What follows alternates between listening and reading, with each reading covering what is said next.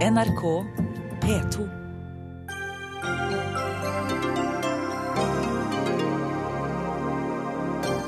Telenor vil måle de ansatte på en skala og dele dem inn etter potensial. Skaper urettferdighet og mindre produktivitet, sier rådgiver for fagorganiserte.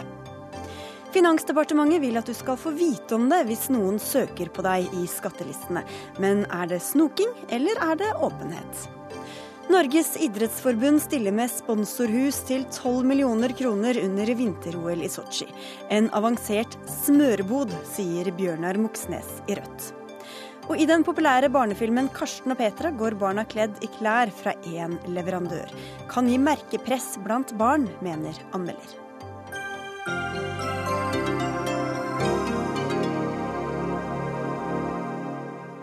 Velkommen til uh, ukas siste Dagsnytt 18 på NRK P2 og NRK2, hvor andre stikkord er reservasjonsrett, språk i Grunnloven og bidød. Jeg heter Sigrid Solund. I løpet av dette året vil Telenor innføre en vurderingsordning hvor de ansatte blir inndelt i nivåer. En arbeidstaker kan da enten få merkelappen høyt potensial, solid potensial eller latent potensial. Jon Erik Haug, du er konserndirektør med ansvar for personalet i Telenor. Og dere har brukt denne skalaen på sjefer fram til nå. Hvorfor vil dere utvide det til å gjelde også de ansatte? Telenor er i dag et eh, ganske stort selskap. Vi er 35 000 ansatte, og vi er i tolv land. Eh, vi har et eh, behov for å ha en systematikk rundt hvordan vi arbeider med både ledere og medarbeidere i selskapet vårt. Dette her er en del av den systematikken. Og den fungerer på den måten at vi vurderer både eh, potensialet og også prestasjonen til medarbeiderne eh, og lederne. Og det vi gjør er at vi starter denne, dette arbeidet her egentlig som en prosess i en medarbeidersamtale. Eh, og så utvikler vi dette her videre oppover i organisasjonen. slik at på en måte så svarer du både på det individet har behov for, i forhold til å melde hvilke interesser og ønsker de har, i samtalen med lederen, og samtidig som du også dekker organisasjonsbehov for å få bedre oversikt rundt hva er det egentlig både våre medarbeidere både kan og ønsker seg. Hvilke målekriterier går da lederne ut fra når de skal eh, måle de ansatte? Ja, Hvis du ser på prestasjonsdimensjonen, så er det slik at vi har forskjellige mål for medarbeiderne. Eh, som settes, og De settes ofte individuelt, fordi folk har jo forskjellige jobber. Slik at du kan være sånn at du når f.eks. ett mål, du underpresterer på et annet, og du overpresterer på et tredje. Så gjør lederen og medarbeideren i en samtale en samlet vurdering. På potensial så er det slik at vi har jo medarbeidere hos oss som har alltid fra svært høye ambisjoner og ønsker å reise utenlands, eh, ta nye oppgaver. Eh, vi har medarbeidere som ønsker å rykke oppover, gå tradisjonelle karriereveiene med å klyve i gradene. Og vi har også medarbeidere som ønsker å være mer hjemme med barn, eh, som ønsker å trappe ned, for det kan være siste delen av deres karriere etc. Er det det latente potensialet? Ja, og det er typisk grunnlag for denne potensialvurderingen. Slik at vi vet, vet, på en måte hvem som har høye ambisjoner, og hvem som har middels ambisjoner, og hvem som på en måte ønsker å kanskje på en måte gjøre en dreining av sine oppgaver. Det er jo litt omstridt her, og Stein Stugge, du er rådgiver ved De facto kunnskapssenter for fagorganiserte. Hva synes du om eh, dette prosjektet? Jeg syns eh, dette er svært problematisk. For det første fordi at det er splittende i forhold til de kollektivene alle bedrifter består av. Istedenfor at man da motiverer for å jobbe sammen mot felles mål, så jobber man for å fremme sitt eget potensial i konkurranse med de andre. Det er ressursødende i den forstand at det brukes veldig mye tid på å normere disse karakterene eller potensialvurderingene. Og det har man jo sett også i store konsern, hvor eh, man kaster bort tida for å klare å sammenligne karakterer eller potensialvurderinger over landegrensene. Det er eh, i strid med det som jeg oppfatter at viktige forskere som Dysvik og Kuvås eh, på BI mener om hva som utløser motivasjon. Altså at man skal ha en høy lønn og en rettferdig lønn. For det at 60% av de som får karakterer, sier at dette i stor grad gis på grunnlag av trynefaktoren. Sånn at eh, i sum så mener jeg at dette her også er destruktivt i forhold til å utvikle produktivitet i en bedrift. Hvordan tar dere høyde for at noen kanskje er flinke til å spille andre gode og tenker helhet, mens, eh, mens, andre igjen er mest opptatt av sin egen karriere, de som da har høyt potensial. Da. Ja, det som da min motdebattant eh, ikke helt har fått med seg her, er at veldig ofte så bruker vi overlappende mål nettopp for å fremme samarbeid. Så det er ikke sånn at dette her, her er en individuell sak. Mange medarbeidere måles på samme mål nettopp for å fremme lagarbeid på, på tvers. Eh, når det gjelder punktet rundt tid, å bruke tid på dette her. Dette innebærer at vi bruker tid på medarbeiderne våre. Og det er noe av det medarbeiderne er mest opptatt på, av at lederne bruker tid, og at de blir sett. Og at de får på en måte gode grundige samtaler om sin utvikling og om sine prestasjoner. Noen mennesker tar jo ting veldig fort inn over seg. Hvordan eh, sørger dere, altså, eller Hvor motiverende tror du det er for en å høre at du har eh, scorer dårlig, har ikke så bra potensial um, altså, og, og scorer under middels?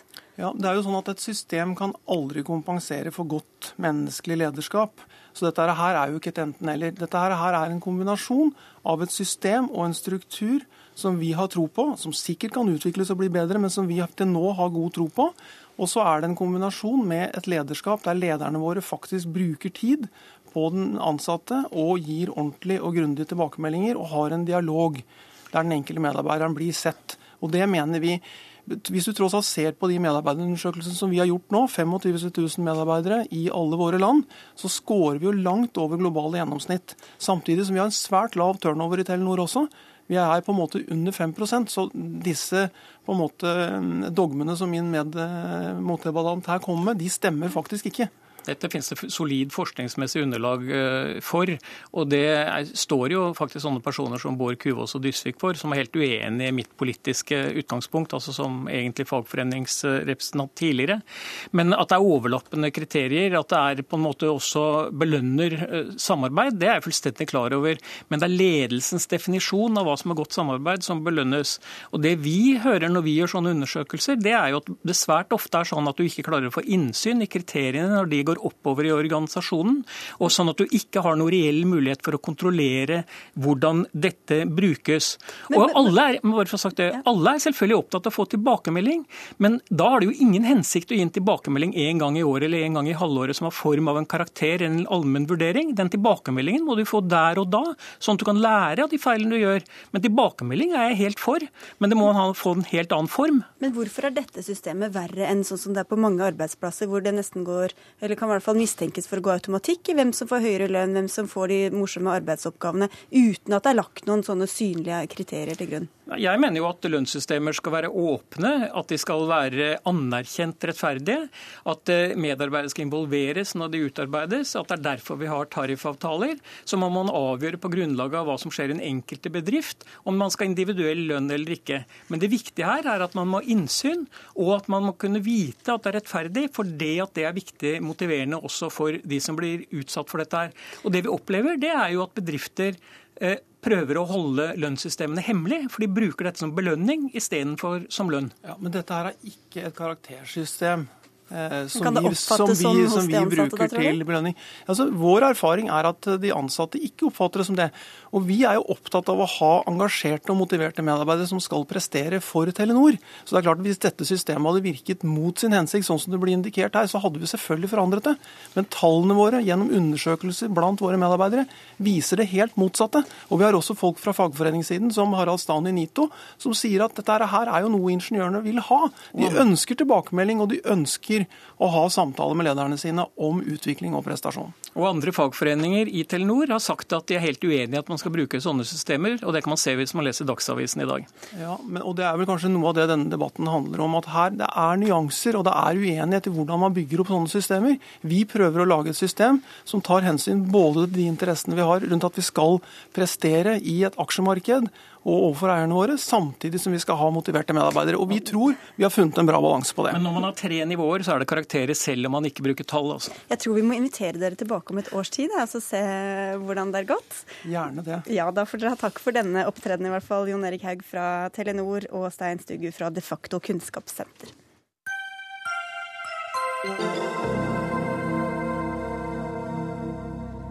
Snart kan du få vite hvem som søker på deg i eh, skattelistene, hvis regjeringa får det som den vil.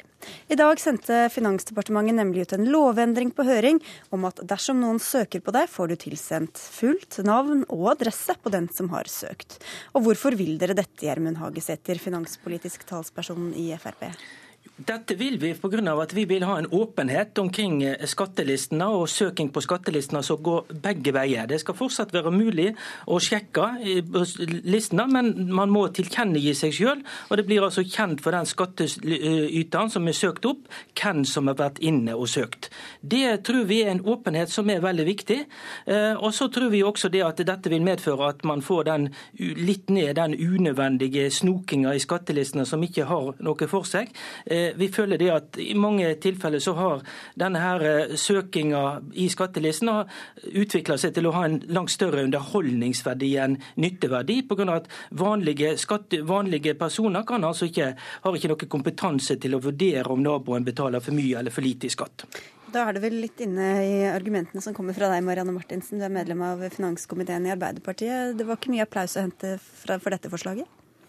Nei, altså Vi er enig i at skattelistesøk ikke utelukkende skal handle om underholdning. Så vi stramma inn regelverket ganske kraftig for et par år siden, hvor vi begynte å få en utvikling hvor man f.eks. kunne laste ned apper som kobla skattelistene til Facebook-vennelista di. Man kunne rangere folk på postnummer og den type ting. Og det har veldig lite med det formålet som offentlighet skal ha. Så nå må man være logget på, på Altinn? Nå må du gå inn på Altinn, logge deg inn, og du kan bare gjøre enkeltsøk. Og de har begrenset den rene underholdningsverdien av dette ganske kraftig. Men det at skattetall er tilgjengelige, det bidrar til at helt vanlige folk kan gå inn, sjekke at skattesystemet virker som det skal, at det slår rettferdig ut. Og så vet vi i tillegg at det forhindrer skattesnusk. Det at hver enkelts bidrag til det spleiselaget som velferdsstaten vår er, faktisk syns, gjør at folk rapporterer inn høyere inntekter enn det de ellers ville ha gjort. Det har vi veldig klare studier på at var resultatet da man begynte å gjøre dette tilgjengelig. Og det er vel bra for dere som til og med sitter og trenger penger inn til Finansdepartementet, Hagesæter?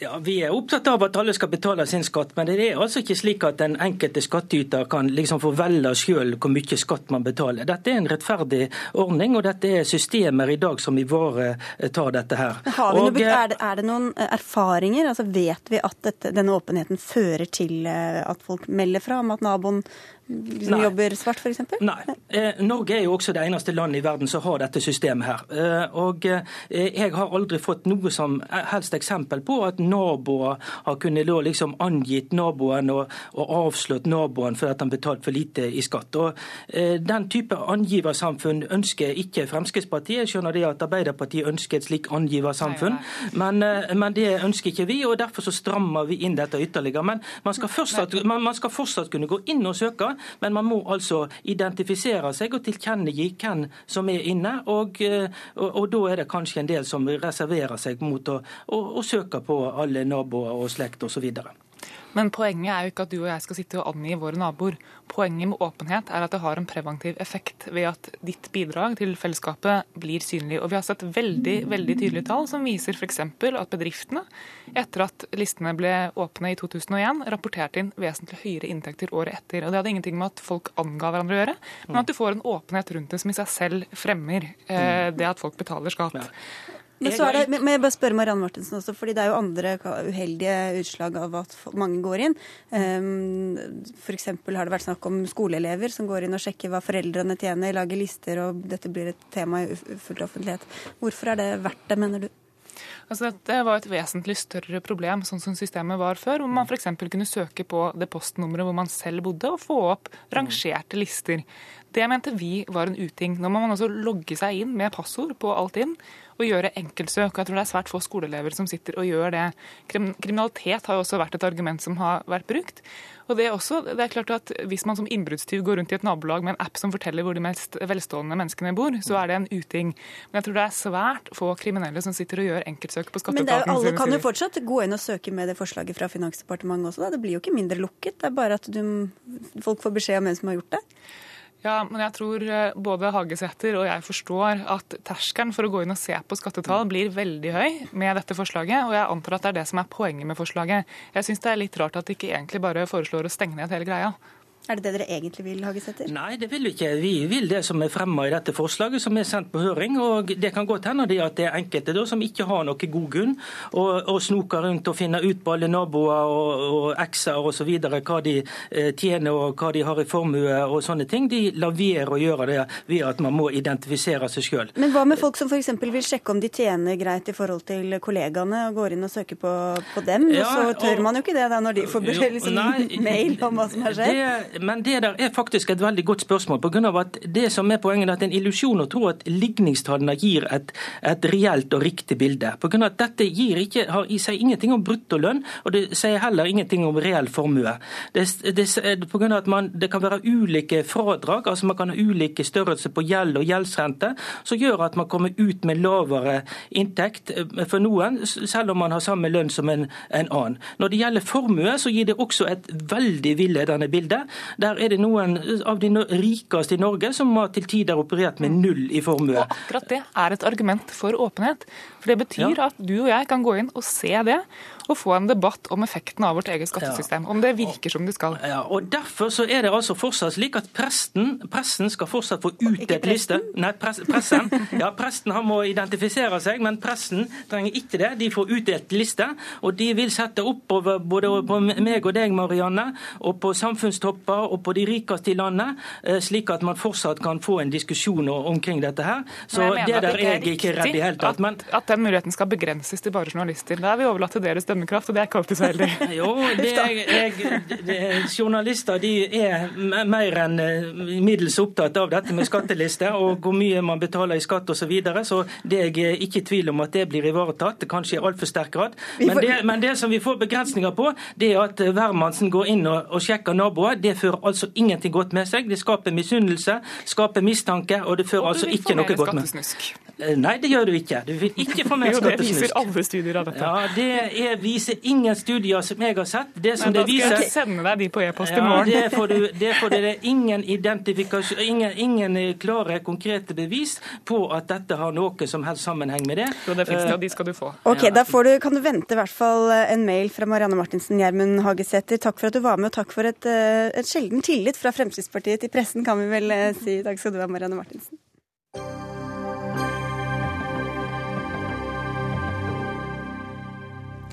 Norges idrettsforbund kommer til å bruke opp mot 12 millioner kroner på et eksklusivt hus under OL i Sotsji.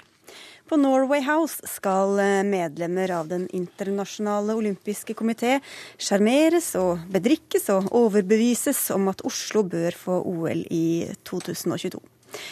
Kritikken har ikke latt vente på seg, og du var en av dem som kom med den, Bjørnar Moxnes. Du er leder i Rødt, og du kaller dette en avansert smørebod for IOC-pampene. Hva mener du med det? Altså Bak det så ligger det ingen avansert analyse. Jeg bare fastslår det som egentlig Heiberg sier ganske så rett ut. Nemlig at eh, altså, IOC-medlemmene de er ganske godt vant. Så det er nok sikkert lurt sånn sett å ha et, et smørehus for dem i Sotsji. Men det alvorlige her er jo det som leder i Norsk breddefotballforening sier til eh, VG eh, i dag. Hun sier nemlig at det er sikkert artigere å drikke champagne enn å prioritere oppussing av våre klubbhus. Så det aktualiserer jo spørsmålet om prioriteringene til ledelsen i Idrettsforbundet, nemlig at de ønsker å bruke veldig store summer på ett arrangement eh, i Oslo, mens de altså trenger både nye klubbhus, nye svømmehaller, eh, ballbinger landet rundt, og at det er helt feil prioritering å bruke så mye penger på et arrangement hvor IOC driver kostnadene kraftig eh, i været. Og Du skal få svare på det, Inge Andersen. Du er generalsekretær i Norges idrettsforbund. Men først kanskje, kanskje du kan bare si hva er det som skal foregå inn i dette huset? Nei, Først og fremst så har eh, jo 90% av norsk idrett sagt ja til en prosess om at Norge skal søke eh, vinter-OL i 2022 i Oslo. Og Oslo kommune og innlandskommunene og Lørenskog og Bærum og Norges idrettsforbund har gått sammen om dette. Og uh, vi har tilrettelagt en god prosess for ja, det. Men hva er det, som, hva er det, man skal gjøre inni dette huset? Hvem er det som er velkommen dit, og hva skal skje? Ja, det, er noe, det, er jo ikke noe nytt at vi har eh, både nordiske hus og norske hus i forbindelse med OL. Vi har et hospitality-program i OL lenge før jeg ble generalsekretær. Vi hadde et nordisk hus i Beijing hvor vi hvor vi leide hele Radisson. Vi hadde et nordisk hus i London på Radisson Portman. Det er ikke så vanskelig spørsmål, jeg bare spør deg hva som skal skje ja, inni der. Hva er det til? Ja. Da, men da må jeg få lov å forklare det. Si at Det er ikke noe unormalt at vi har møtearenaer for norsk idrett og internasjonal idrett og olympisk komité, men også for andre gjester så har vi eh, gjennom grundig arbeid og godt arbeid og klokt arbeid satt dette i system pga. at vi har òg en søkerprosess. Vi skal vinne en internasjonal konkurranse. Og, eh, og, norsk idrett har prioritert at vi skal søke OL. Og vi deltar i den internasjonale konkurransen. Den har vi ambisjoner om å vinne. Og dette er ikke smøring. Jeg må være helt tydelig på det. At dette er ikke smøring i det hele tatt. Jeg vil ha meg frabedt om at det blir brukt slike uttrykk. Men da må jeg bare til, til det, den kritikken fra Moxnes her. Altså prioriteringene. Hvorfor prioriterer dere å bruke penger på dette, i stedet for da ballbinger eller fotballbaner eller ja, andre nå, nå, har jo vi virkelig gjort et betydelig løft for breddeidretten og anleggsidretten i flere år. Vi har fått endret tippenøkkel, og vi har fått en betydelig momskompensasjon de siste årene. Vi øker inntektene til norsk idrett med over 1 milliard i perioden 2013 til 2015. Så vi definitivt prioriterer breddeidretten eh, i norsk idrett. Men vi prioriterer også å søke OL i 2022. Og det er lov å ha to tanker i hodet samtidig. Og dette er jo, som han sier, Moxnes, noe Idrettsforbundet faktisk har vedtatt. De vil ha OL til Oslo, det vil jo ikke du. Eh, men da, kan du da klandre dem for at de faktisk jobber for å oppnå det de har vedtatt? Nei, altså på, på en måte så er det nok eh, sikkert altså nødvendig. altså Hvis vi skal få IOC til å, til å ønske å si ja til en norsk OL-søknad, så er det kanskje nødvendig med dette som vi kan kalle for la oss kalle for bespising og bedrikking, da, som var det Heiberg eh, sa. Eh, IOC-toppene er, er, jo vant til, til, å leve i luksus. Det er bl.a. flere kongelige. Det er prinsen av Kuwait som er med der. Prins Albert av Monaco er også en del av IOC-medlemmene. Så det er, nok, det er, nok, lurt sånn sett å på en måte i hvert fall tilby dem hyggelige drinker og mat og sånne ting. Men det alvorlige og viktige her er jo at Idrettsforbundet bare for fire-fem år siden nettopp avviste søknaden om et OL i Tromsø med følgende argument. Det blir for dyrt. Det var snakk om opp mot 20-30 milliarder kroner. Samme prislapp som Oslo. Og det, og det, vil gå utover breddeidretten landet rundt. Men det er ikke dette, dette for og mot OL-debatt? da? Det var jo dette Formålet med det norske, det norske hus uh, i Sotsji uh, er jo ett, og det er jo å sørge for uh, godvilje fra IOCs medlemmer, som Heiberg selv sier til, til VG i dag. Det er nødvendig åpenbart å gi dem eh, god mat og god drikke og gode argumenter eh, på veien for å få et OL i Oslo, som er formålet til nettopp Det norske hus i Sotsji. Og Hvorfor må man egentlig bespise og bedrikke disse medlemmene av IOC for at de skal lytte til gode argumenter? Nei, vi, vi har ikke lov å eh, invitere IOC-medlemmer til Oslo. Det har vært en betydelig opprydning i IOC de siste 15 årene, som Gerhard Heiberg og Sjakk Rogg har gått i spissen for. Og hva er forskjellen på å invitere dem hit og invitere ja, dem inn i et sånt hus? Nå lager vi en arena på IOC sin hjemmebane hvor de arrangerer de olympiske leker og hvor absolutt alle i IOC er samlet, og den internasjonale idrett er samlet. Og Når vi deltar i denne internasjonale konkurransen, så må vi også gjøre vår informasjonsarbeid og påvirkningsarbeid selvfølgelig på en klok måte, slik at IOC har lyst til å komme til Norge, slik at vi kan bygge et OL på våre verdier og vårt verdigrunnlag. Vi skal bygge videre på det positive arbeidet vi allerede har startet med. Vi har et ungdoms-OL på Lillehammer i 2016. Man burde vel egentlig egentlig gi Inge Andersen en OL-medalje og snakke seg rundt sakens kjerne. Altså, det er sjelden at jeg opplever å få støtteerklæringer fra redaktører i Dine Penger, Per Valbrok. Men han er helt enig med meg i at det her er sløseri, både i Sotsji, men også ikke minst eh, i, i, Oslo og i Norge. Og husk at uh, dagens ferske målinger viser at uh, det er flertall, stort flertall mot et OL, selv okay, i Høyres medlemsmasse. Dette skulle ikke være en for eller mot OL-debatt, men du, skjønner du at når, når, de har den anledningen og har alle disse menneskene her, at de faktisk benytter seg av den til å samle ja, dem ja, på et sted? Og det sier kanskje mye uh, om hva IOC har blitt. Det er jo ikke et FN-organ for idrett, som iblant framstilles som. Det er også en privat organisasjon som er et gigantisk pengemaskineri, som eier alle rettigheter rettighetene til olympiske leker, og som også legger regninga over på vertslandet og fellesskapet og tar overskudd hvis det blir noe, til seg selv. Så IOC driver jo kostnadene i været med et OL, og krever også tydeligvis da åpenbart det som jeg vil kalle for smøring, som ifølge eh, Heiberg da er bespising og bedrikking. Så jeg tror det her er en dårlig idé for Norge, og det er også derfor jeg er mot å bruke penger på Det norske hus eh, i Sotsji. Helt kort, Andersen. Det er 204 nasjoner som deltok i London. Det er idretten som faktisk samler verdenssamfunnet. Og norsk idrett er en del ut av dette. Og vi skal sette oss i førersetet for en verdibasert toppidretten worldwide. Derfor ønsker vi Derfor OL. vi skal smøre det med Sotsji. Det henger på greip, det ikke Jeg tror det er duket for mange debatter fremover. Takk skal dere ha for at dere tok i hvert fall denne, Bjørnar Moxnes fra Rødt og Inge Andersen fra Norges idrettsforbund.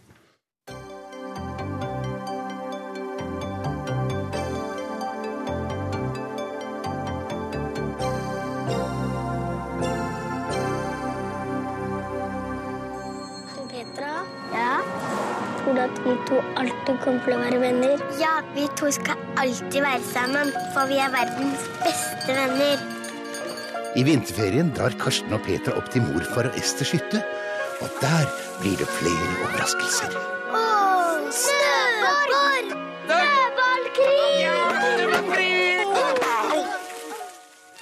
Det var en eh, liten smakebit fra den eh, nye barnefilmen 'Karsten og Petra på vinterferie', som kommer på kino i dag.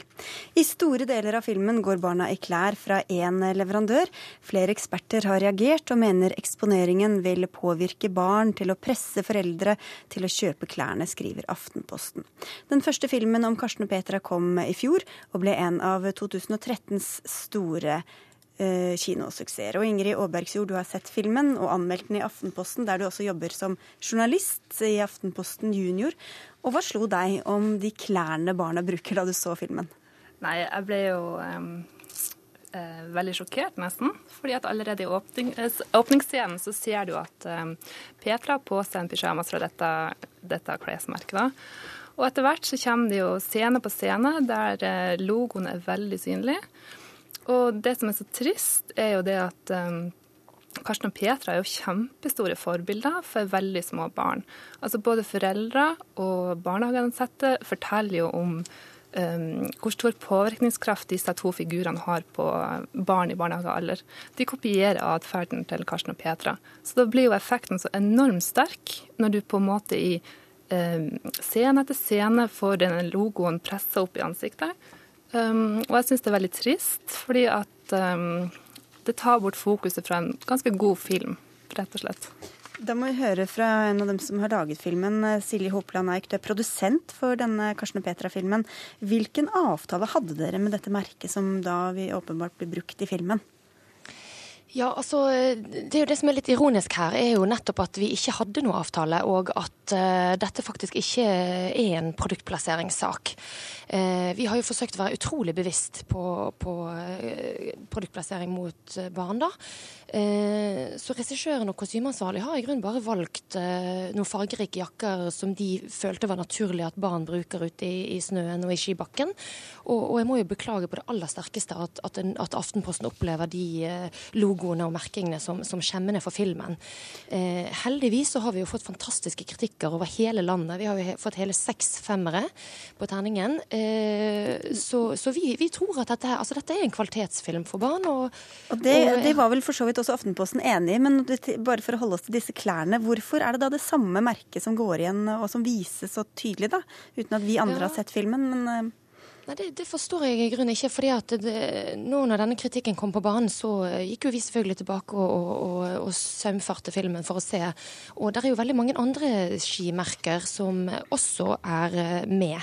Eh, Så det er klart at når det gjelder skitøy, og spesielt yttertøy for barn, så er det veldig mye merking. altså, Dessverre. sånn, Det er på en måte den virkeligheten vi lever i. Det er liksom sånn klær barn går med i dag. Aabergsjord, nå var det ikke produktplassering, sier hun. Hvilken rolle spiller det, mener du? Nei, altså Det er ikke også filmen, og sånn vil det jo være for de fleste foreldre og, og små barn som går og ser den filmen. Så på en måte så vet man jo ikke om er det betalt for, er det ikke betalt for. Fordi at effekten blir jo uansett det samme. At det blir liksom eh, At de her to veldig populære figurene er kledd opp i ett bestemt merke fra innerst til ytterst. Um, og, eh, og gjennom min jobb som journalist i Aftenposten Junior så reiser jeg rundt hver uke og snakker med barn og skriver om deres hverdagsliv.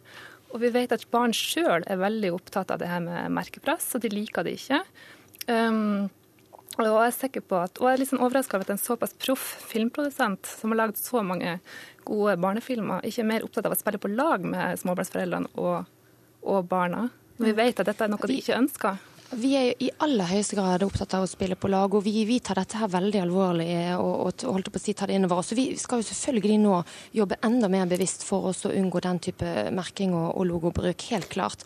Eh, jeg vil nå likevel si at det merket vi tross alt valgte, var iallfall et, et eh, norskprodusert kvalitetsprodukt. Det er jo liksom ikke sånn altså Coca-Cola de går med på brystet. På men, men, det, men, det var også, liksom så... ja. men selv om ikke dere hadde en avtale med dem, så var det noe som faktisk altså Det var i hvert fall et samarbeid som også har fortsatt etter at filmen eh, var produsert? Nei, altså, vi, eh, vi gikk tilbake til Vossatasser og spurte om de kunne tenke seg også å gi en del premier til, eh, til disse konkurransene som vi har nå denne helgen i forbindelse med, med premieren. Og det takket de ja til. Eh, så der, der, har vi helt klart et samarbeid rundt lanseringen. Det har vi. Men dette var ikke altså en, en produktplassering hvor leverandøren betaler for at vi skal vise frem produktene i filmen. Det, det var rett og slett eh, ikke mm. tilfellet. Mari Ryst, du jobber ved Statens institutt for forbruksforskning, SIFO. Du har ikke sett denne filmen, men mer sånn generelt, hva sier du har, altså, du har forsket på barn og unge lenge, og hva sier loven om hva som er lov og ikke av produktplassering eller reklame rettet mot barn? Ja, vi, har en, vi, har en streng lovgivning i Norge som, som forbyr eh, reklame rettet mot barn og unge. Og hvis man skal gå, på, gå inn i lovverket eller se på de retningslinjene som finnes i dag, så så vil jeg jo si at dette skulle bryte med de retningslinjene som er, i den grad man oppfatter det som reklame. Eh, nå kan jeg være enig med produsenten i at dette ikke kan Dette er jo ikke direktereklame. Det er et produkt som, eller et merke som er på, på klær som, som, barna har på seg. Det er ikke store reklameplakater, det er ikke eksplisitt reklamering eller markedsføring. Sånn at man kan heller se på det som en form for uh, skjult reklame eller en sånn snikreklamisering som, som, de da får med seg ved å bruke disse klærne. Selv om det da er gjort i vannvare, som det virker som det er gjort her, da, på en måte? Ja. Eh, altså, kan stille, vi, kan ikke, vi, kan jo ikke, kontrollere det de sier der. Vi kan ikke gå inn og si at de, vi tror de tar feil.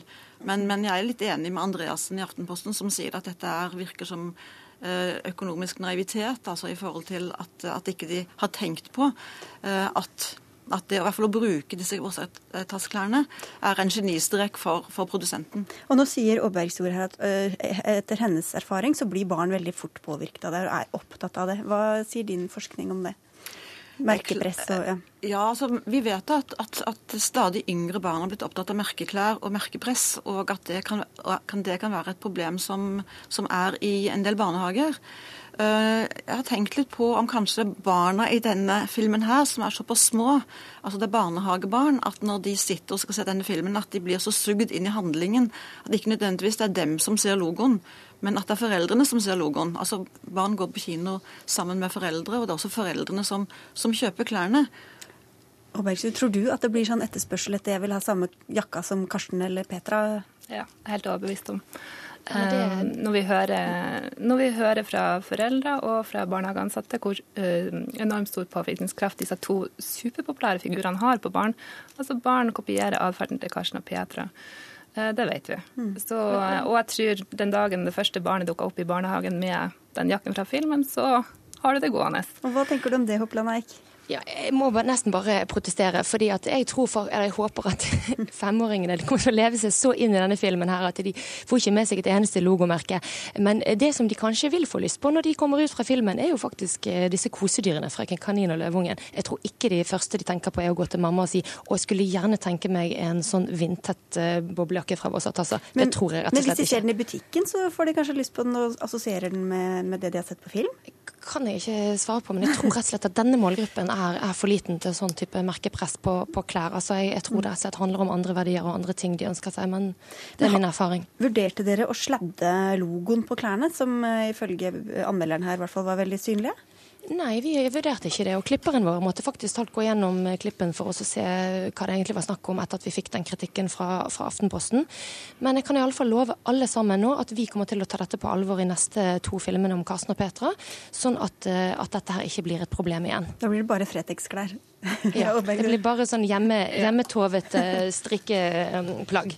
I den første filmen så var det jo ikke det eneste logo å se på klærne som Karsten og Peter hadde på seg, så jeg håper jo at man, produsenten velger den modellen for de to neste filmene. Men det skulle si at jeg syns det er viktig at vi tar denne debatten, fordi at det kommer jo mer og mer i norske barnefilmer at man skal begynne med produktplassering. Man så det bl.a. i den eh, ekstremt populære eh, julefilmen fra Flåklypa, der man hadde eh, der det var Posten og Felleskjøp hadde liksom kjøpt seg plass i filmen. da. Og, men jeg syns det ble litt annerledes, fordi at uh, det er jo produkter som voksne kjøper. Um, mens de her klærne er jo på en måte retta mot barn. Og derfor blir effekten så enormt sterk. Ja, altså er, De er rettet mot barn, men de er også rettet mot foreldre. sånn at det, det jeg tror bli, det blir en effekt uansett, tenker jeg, i forhold til at barn gjerne vil ha de klærne som, som Karsten og Peter går med, enten de har sett logoen eller ikke. Og mange barn har jo allerede de klærne, for dette er jo klær som allerede finnes i butikkene. Sånn at, at Jeg vil også tro at det er sannsynlig at at vassetasser vil få økt salg etter, etter at mange barn har sett denne filmen. Det blir spennende å se. Vi har jo også fått, eh, når, I alle innescenene så har jo barna på seg hjemmestrikkede gensere. Så det blir jo spennende å se hvor mange som barn som kommer til å gå rundt med hjemmestrikkede gensere. For det er også med i filmen. Det blir sånn strikkefarsott. Vi er nødt til å avslutte der. Tusen takk for at dere kom til Dagsnytt 18, eh, Mari Rust, Ingrid Aabergsjord og produsent Silje Hopland Eik.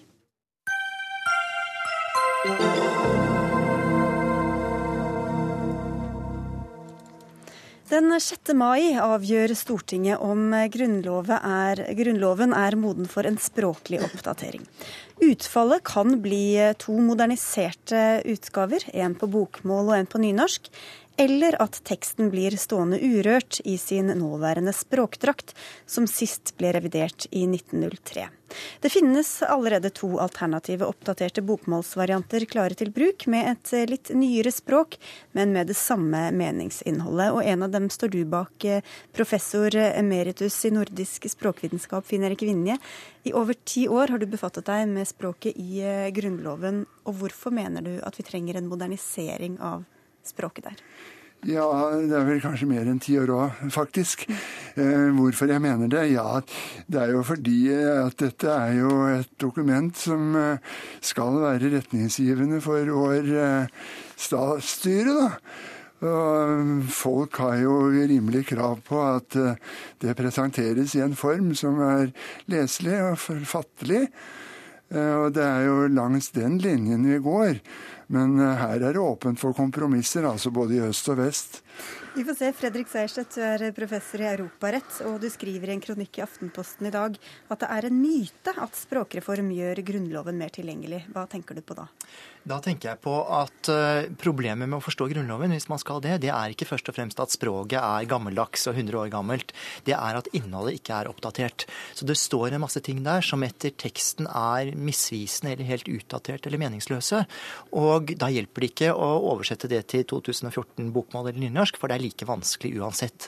Når det står, eller like misvisende. Når det f.eks. står i Grunnlovens paragraf 12 om regjeringsdannelser i Norge at kongen velger selv et råd, og nå står det i dag dag da med stor R og to A-er på råd, så blir ikke det noe mer eh, lettere tilgjengelig for folk å skjønne, fordi om vi setter det om på bokmål eller nynorsk. Så man må enten beholde det som det er, eller å revidere fullstendig, da, tenker du? Ja, ideelt sett så mener jeg egentlig at man burde være mer radikal, og også ta en innholdsmessig oppdatering, fordi vår grunnlov er blant de aller mest utdaterte i den blant vestlige moderne demokratier. Eh, det snakker vi ikke så mye om i jubileumsåret 2014, men det er den faktisk. Den er veldig tungt tilgjengelig. Og det er ikke primært pga. språket, men det er pga innholdet.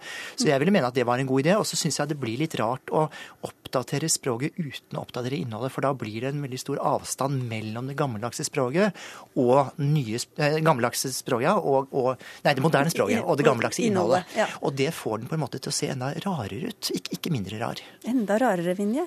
Jo, jeg har forståelse for det synspunktet der. Det er klart at hvis man ikler altså helt uh, vanvittige paragrafer en moderne språkform, så vil van dette vanviddet komme da tydeligere fram. Det skjønner jeg. Men det som uh, Sejersted ser bort fra, egentlig, det er vel det at vi må avveie her og foreta kompromisser. Og dette dokumentet som vi snakker om, det er et dokument av eh, høyeste dignitet. Det er et litterært minnesmerke, et nasjonalt samlingssymbol. Og da eh, har jeg for min del, i min eh, forsiktige, forsiktige modernisering, eh, gått fram på en sånn måte at det ligger tilstrekkelig med markører i teksten til å fortelle at her har vi sannelig å gjøre med et sånn gammelt dokument. Og jeg har personlig også, jeg husker da jeg gikk i folkeskolen, det hang på veggen i glass ramme, Grunnloven. Det var novembergrunnloven av 1814. Og øh, vi skjønte det at det der er et øh, dokument som vi skal omgås med respekt. Men hva vinner man da på å gjøre om litt? Grann, altså å flikke på ja, det? vinner noe. F.eks. kan jeg må konkretisere litt språklig. I den grunnloven vi har i dag, så er det bøyning av verbene eh, i flertallsformer.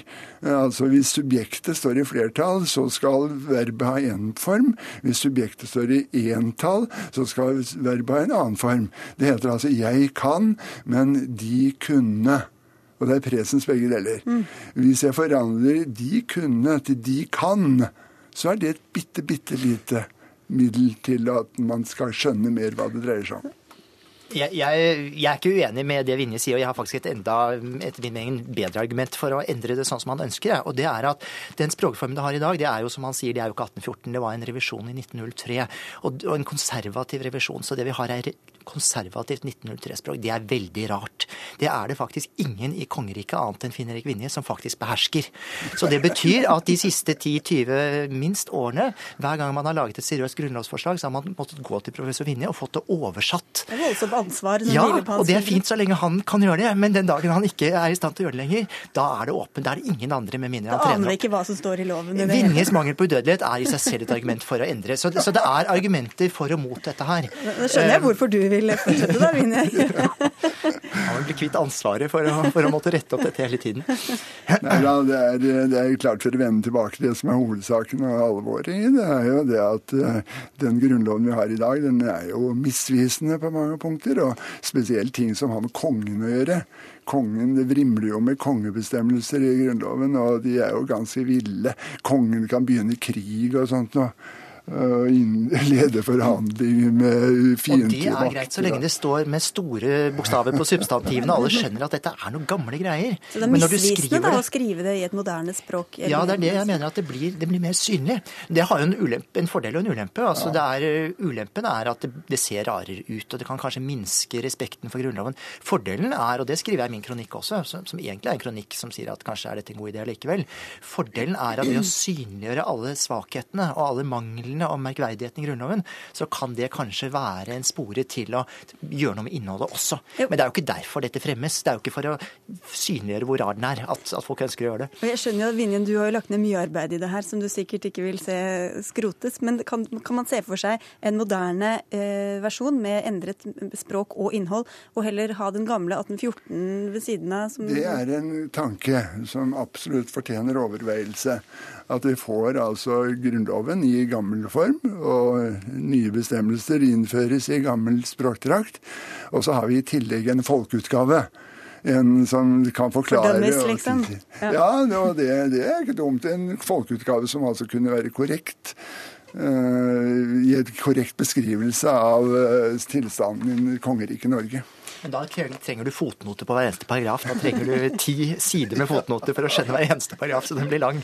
Og dette krever altså to tredels flertall i Stortinget for ja. å endre, så her kan vi strande fort når dette ja, skal opp. Ja, og det er det som er poenget nå, at det foreligger to konkurrerende bokmålsforslag. Og det er det som er kommet opp som en politisk debatt. Og det ene er foreslått av de rød-grønne, og det andre av de blå-blå. Eh, og så kreves det to tredjedels. Så hvis ikke noen gir seg, så blir blokkerer det. Og mitt poeng med kronikken er egentlig, og derfor er det en diskusjon om dette nå. Og mitt poeng med kronikken er egentlig bare å si at la oss ikke, før vi begynner å diskutere om det er Gravers forslag eller andre for Vinjes forslag, la oss diskutere om det er noe poeng å gjøre dette i det hele tatt. Og den har vi tatt nå, i hvert fall en omgang. Tusen takk skal dere ha for at dere kom til Dagsnytt 18, Finn Erik Vinje, Vinje og Fredrik Sejersted. Hør Dagsnytt 18 når du vil, på nettradio eller som podkast. nrk.no – dagsnytt 18.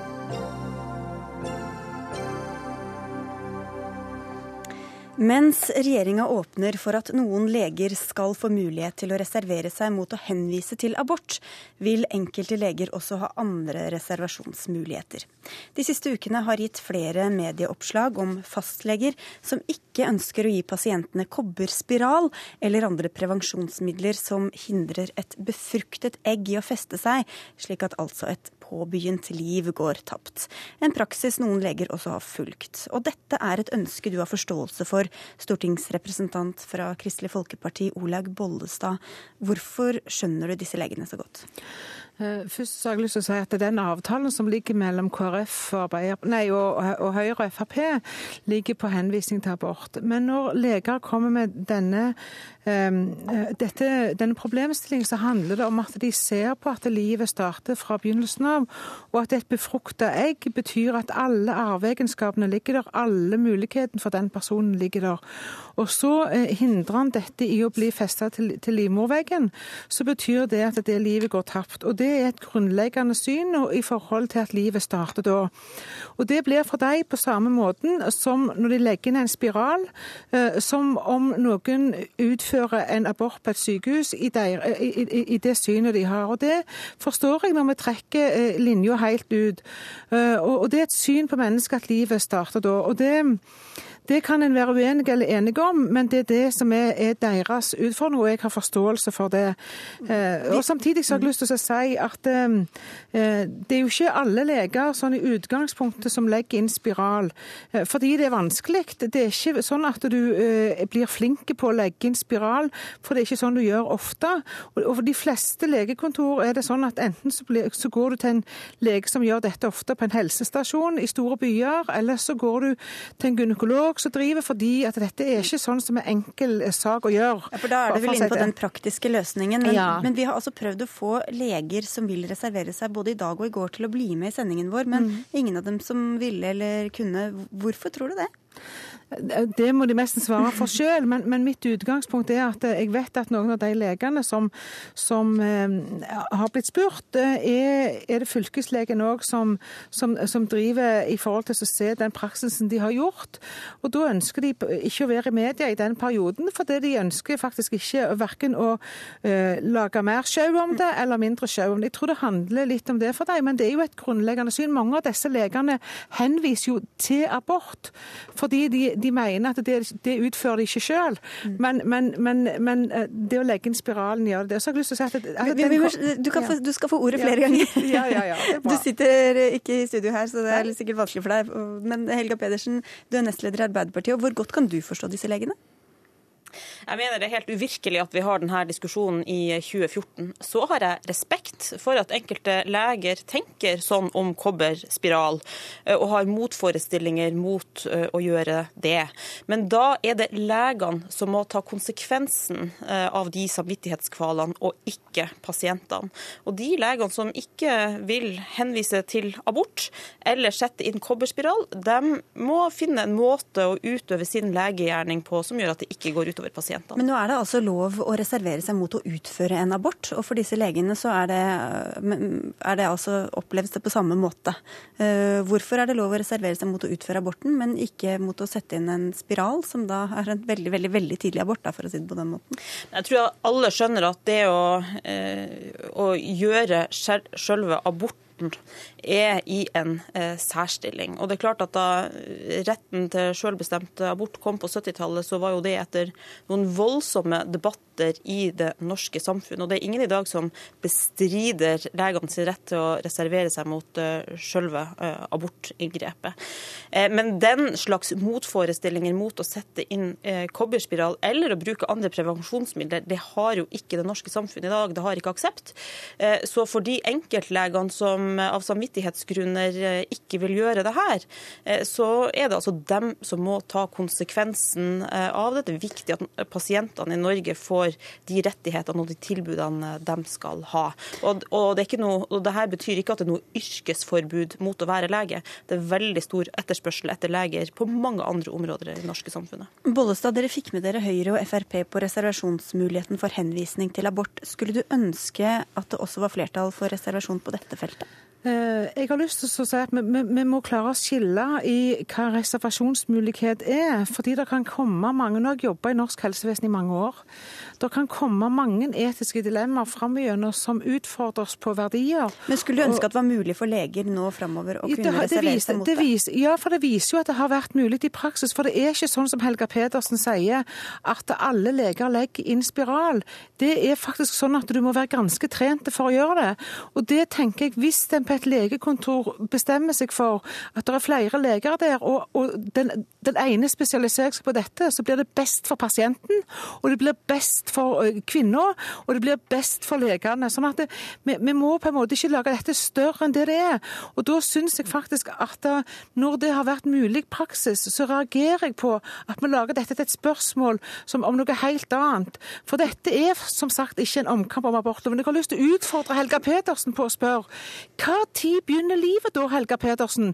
Når det ikke begynner når eggceller og sædceller smelter sammen. Hva tid definerer du og Arbeiderpartiet at livet begynner? Men det er jo faktisk ikke det denne debatten handler om. Denne debatten handler om at vi har rett til selvbestemt abort i Norge. Og norske og KrF kvinner... handler om det, for de vil grunnlovfeste retten til liv. Så det Jo, men det... altså, det, den, denne avgjørelsen tok det norske samfunnet for omtrent 40 eh, eh, år siden. Og jeg, jeg vil veldig sterkt motsette meg ethvert forsøk på å innskrenke eh, norske kvinners selvbestemt eh, abort. Eh, og det å gjøre det praktisk vanskeligere å bli henvist til abort, er jo faktisk et, et angrep på nå var, den nå var det loven. Spiralen, ja, det, ja, men poenget er at uansett om vi snakker om abort, spiral eller andre tilbud i det norske helsevesenet, så er det jo hensynet til pasienten som må komme aller men, først. Men, men Bollestad, du sier at har, det er ikke noe problem, det finnes praktiske løsninger. Betyr det at leger skal kunne reservere seg mot altså, eller Hvor går grensen for hva, for hva, leger skal reservere seg mot, så lenge det finnes praktiske løsninger? For det jeg tenker, når jeg tenker, så tenker jeg at samvittighet er det ingen av oss på en måte som kan styre. Men når det er praktisk mulig, for det skal aldri være tvil om, og det er jeg enig med Helga Pedersen i, det skal aldri være tvil om at folk skal få den muligheten til hjelp som de har rett på. Men samtidig så må det gå an å ha to tanker i hodet på en gang. Og det må kunne gå an å tenke at legekontor Noen er flinke til én ting, og noen er, er, ikke det. Og skal du bli flink, det må du òg ta inn over jo, men, det var det jeg spurte om. da. Hvis, så lenge det finnes praktiske ja, løsninger, så er det ikke noen grenser for hva leger skal si at de ikke vil gjøre? Nei, men det handler jo om det som handler om samvittighet i, i forhold til liv og død. Det er jo det vi snakker om. Det her handler om det prinsipielle. Hvem sine behov er det som kommer først? Er det legen sin samvittighet, eller er det pasienten sine rettigheter og, og tilbud om prevensjon, eller, eller, andre tilbud som det norske helsevesenet gir i dag? Og Det denne debatten er et veldig godt bevis på, er at når regjeringa først har åpna døra med at leger skal kunne reservere seg mot å henvise til abort, så kommer det andre krav i oppfølging av det. I dag diskuterer vi spiral. I neste uke kan det være p-piller. Vi vet også at det finnes religiøse grupper som, eh, som er imot blodoverføring, og sånn kan vi fortsette. Det har, men det har jeg veldig liten lyst til at vi skal gjøre, og derfor er det viktig å få stoppa regjeringa sitt få lovforslag. Kort kommentar til slutt her, Bollestad. Ja, jeg tror at vi blir et fattigere helsevesen eh, hvis vi ikke gir rom for eh, samvittighetsfrihet. Jeg tror vi blir et fattigere samfunn, og jeg tror når det er praktisk mulig Men det skal ikke være en tvil om at dette handler ikke om omkamp om abort eller omkamp om kobberspiral eller prevensjon, men det handler om å se at det som er løsningsmulig, det må vi kunne ha uten at det skal skade verken kvinnen eller legen. En praktisk løsning er jo at de legene som av samvittighetskvaler ikke vil sette inn spiral, kan jobbe på sykehjem. Der er det et veldig stort behov for flere leger. Takk skal dere ha for at dere var med i Dagsnytt 18, Olag Bollestad fra KrF og Helga Pedersen fra Arbeiderpartiet.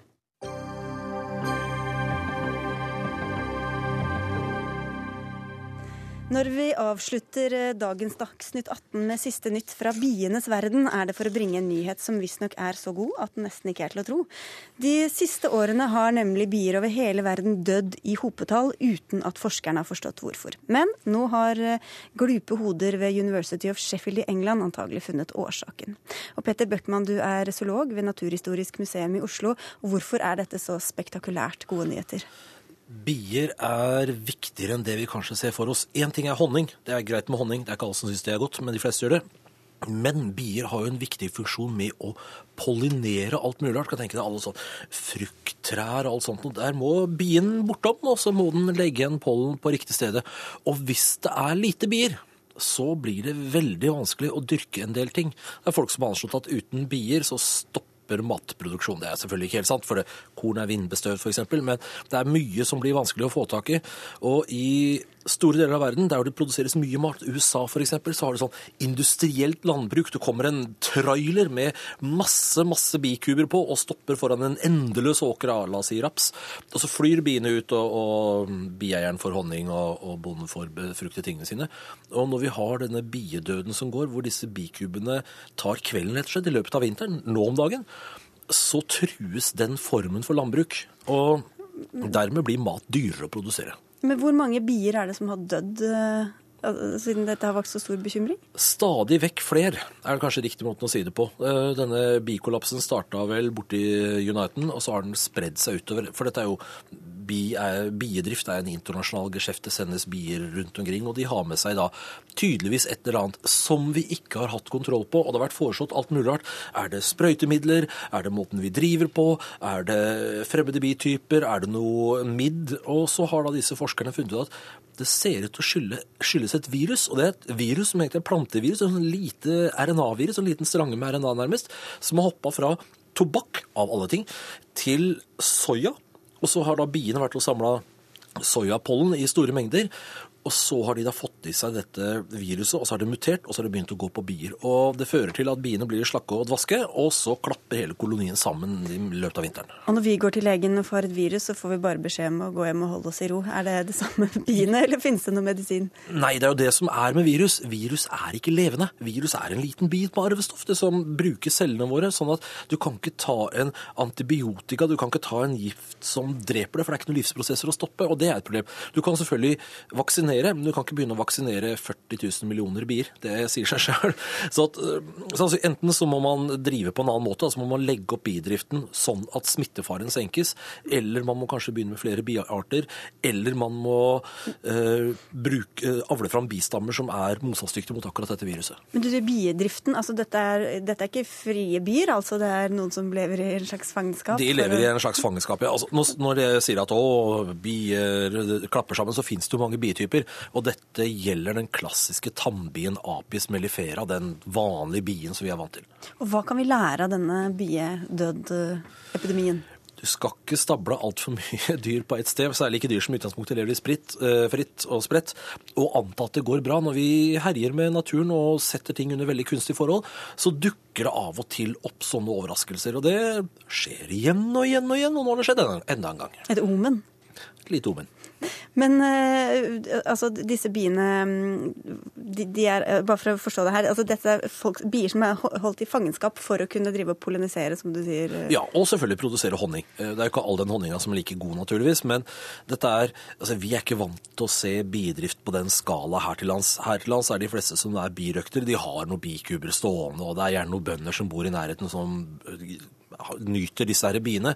Mens i områder hvor du har sånne store eh, jorder med typisk sånn én plante på kvadratkilometer, så er det ikke noe plass til bikuber. Og da må man altså komme inn med bier utenfra. Det er denne typen bidrift som nok står bak dette her. Og Hvorfor har det vært så vanskelig å finne ut av hva som har skjedd? Bier er veldig små dyr, eh, og så bare dør de, og det gjør de jo naturlig. Og de kan dø av veldig mange ting, og det er jo det som har vært problemet. Å sile ut hvilke mekanismer er det som går her. Er det disse sprøytemidlene som har vært veldig, folk har vært veldig opptatt av? Er det disse midlene? som ser ut som kanskje overfører denne sykdommen, eller er det noe annet? Er det noen andre parasitter? Og det å finne ut dette. Du må altså undersøke bikoloni etter bikoloni, og så må du prøve å finne hva er fellesnevneren. Når du ikke ikke veit hva du ser etter, så er det å finne en liten strange med RNA, som rent og slett er litt svært molekyl, det er ganske vrient. Peter Bøckmann, eh, der fikk du siste stikk i denne sendingen, har jeg fått beskjed om å si fra produsenten min her. Takk skal du ha for at du kom eh, til Dagsnytt 18. Du har en veldig oppmerksomhetssyk og glad jente utenfor der som eh, jeg tror lengter etter deg. Eh, denne utgaven av Dagsnytt 18 er over for i dag. Vi er tilbake mandag klokka seks. Imens eh, kan du bruke helgen på å høre på Ukeslutt eh, på NRK P1 og P2 klokka halv ett lørdag, og på Søndagsavisa klokka elleve søndag. Denne sendingen hadde Eivind Våge som ansvarlig produsent. Teknisk ansvarlig var Lisbeth Sellereite, og i studio satt Sigrid Elise Solund.